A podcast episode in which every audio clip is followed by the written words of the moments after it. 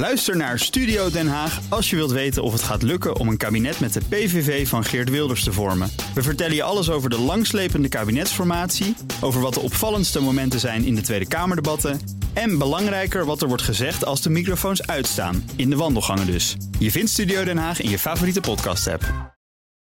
Crypto-update. Tijd voor de crypto-update. Herbert Blankenstein, goedemorgen. Presentator van BNS CryptoCast. Ons programma over bitcoin en andere digitale coins. Ja, deze week het nieuws, hè. Binance moet het ontgelden in, eh, in Amerika, cryptobeurs... met een miljardenschikking en het aftreden van directeur Changpeng Zhao... die ook inderdaad bekende dat hij allerlei frauduleuze handelingen heeft gepleegd. Maar ook Jazeker, ja. Kraken, die andere beurs, wordt te pakken genomen. Ja, door de SEC, Securities and Exchange Commission, de toezichthouder op de effectenwetten. De SEC zegt: Ja, Kraken, jullie producten, veel daarvan zijn beleggingscontracten onder de effectenwet van 1934. En je had geregistreerd moeten zijn bij ons. Uh, Kraken was daarbij ook alles tegelijk: makelaar, dealer, beurs en clearinghuis. En dat vindt de SEC ook niet goed. En geld van het bedrijf en geld van de klanten waren niet goed gescheiden. Nou, allemaal niet oké. En Kweken moet daarvoor zich binnenkort verantwoorden bij de rechter. Hmm. Zou een schikking kunnen worden bij Kraken, zoals bij Binance nu? Ik denk van niet. Uh, kijk, bij Binance ging het over uh, witwassen en over het overtreden van sancties. Ja, regelrecht criminele activiteiten zijn dat. Er kon niet zo heel veel twijfel over bestaan. En Changpeng Zhao heeft dus ook bekend. Hier gaat het ja, bijvoorbeeld over de vraag of cryptoproducten effecten zijn. En dus of eigenlijk de SEC daar wel over gaat. Ja, ja precies. En dat is een open vraag die op allerlei punten speelt. Ook bij Coinbase en uh, bij Ripple en noem maar op.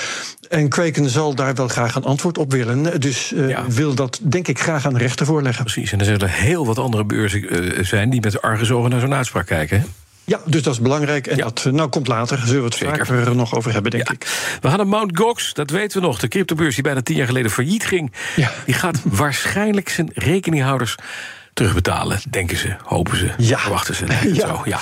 Uh, en ze hebben daar deze week een mail over gekregen. Mm -hmm. Een hoopvolle mail waarin staat dat de terugbetalingen nog dit jaar gaan beginnen. Oh.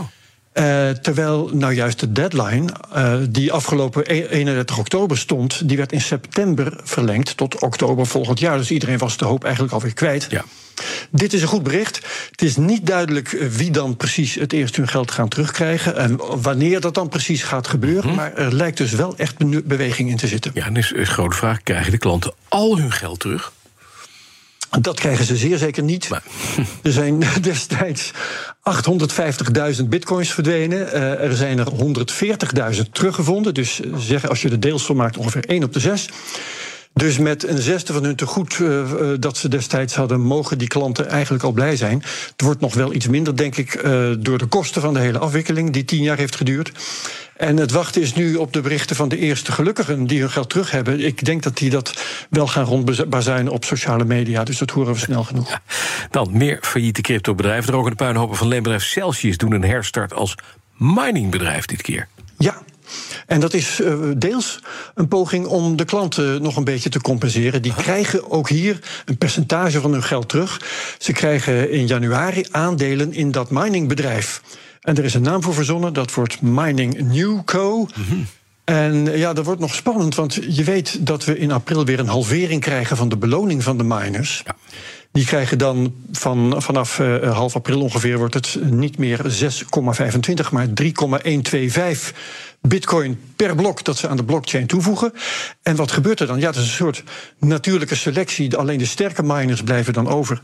En iets zegt mij dat dat misschien niet de nieuwkomers zullen zijn in het veld. Precies. Maar eerder de grote jongens. Maar dat zullen we zien. Het uh, wordt interessant. Uh, mining Newco, hou hem in de gaten.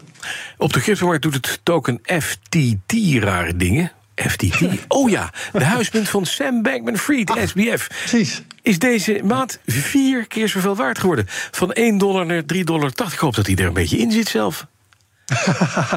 nou, waar hij in zit, dat is de gevangenis. Bas. Um, in ieder geval, daar werd ooit ja, 80 dollar werd er ooit betaald voor die FTT-token. Sinds het faillissement uh, is het ongeveer 1 dollar. En bij de curator was nog discussie over, uh, over de vraag of die uh, FTT-tokens, die inderdaad nog in de kas zitten bij uh, FTX, Ja. of die gewaardeerd moesten worden op de marktwaarde van het moment, dus een dollar, of, Of of, of op nul, Ja. kon ook. Ja. En ze besloot uiteindelijk, nou, we doen een kwartje. Nou, vooruit. Um, in het kader van de afwikkeling van dat faillissement zijn er nu plannen voor een overname van FTX of voor een doorstart. En de koers reageert daar de afgelopen twee weken of zo steeds op. Tom Farley, de vroegere president van de New York Stock Exchange, die zou een overname overwegen. Pam, ging de koers omhoog. Gary Gensler, de baas van de SEC, die reageerde daar weer op. Die reageert altijd negatief op dit soort dingen. Bam, ging de koers naar beneden.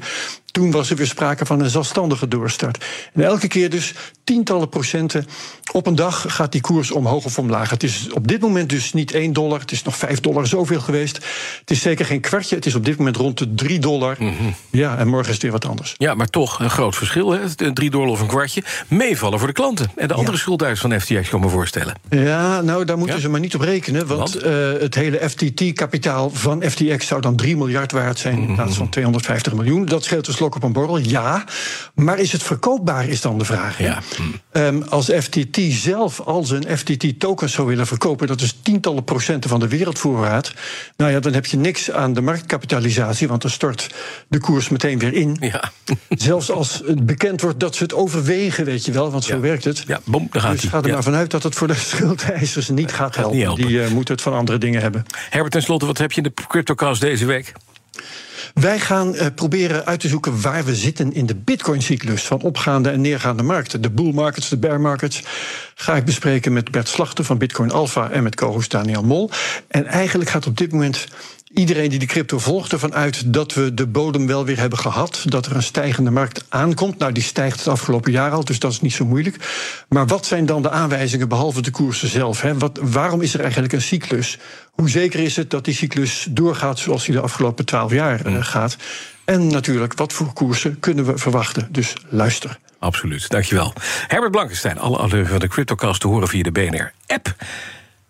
Of je favoriete podcast, zou ik bijna zeggen. Maar dat kan er maar één zijn. Dit is de BNR-app. Ja, tuurlijk. Crypto Update wordt mede mogelijk gemaakt door Bitfavo, de crypto-exchange van Nederland.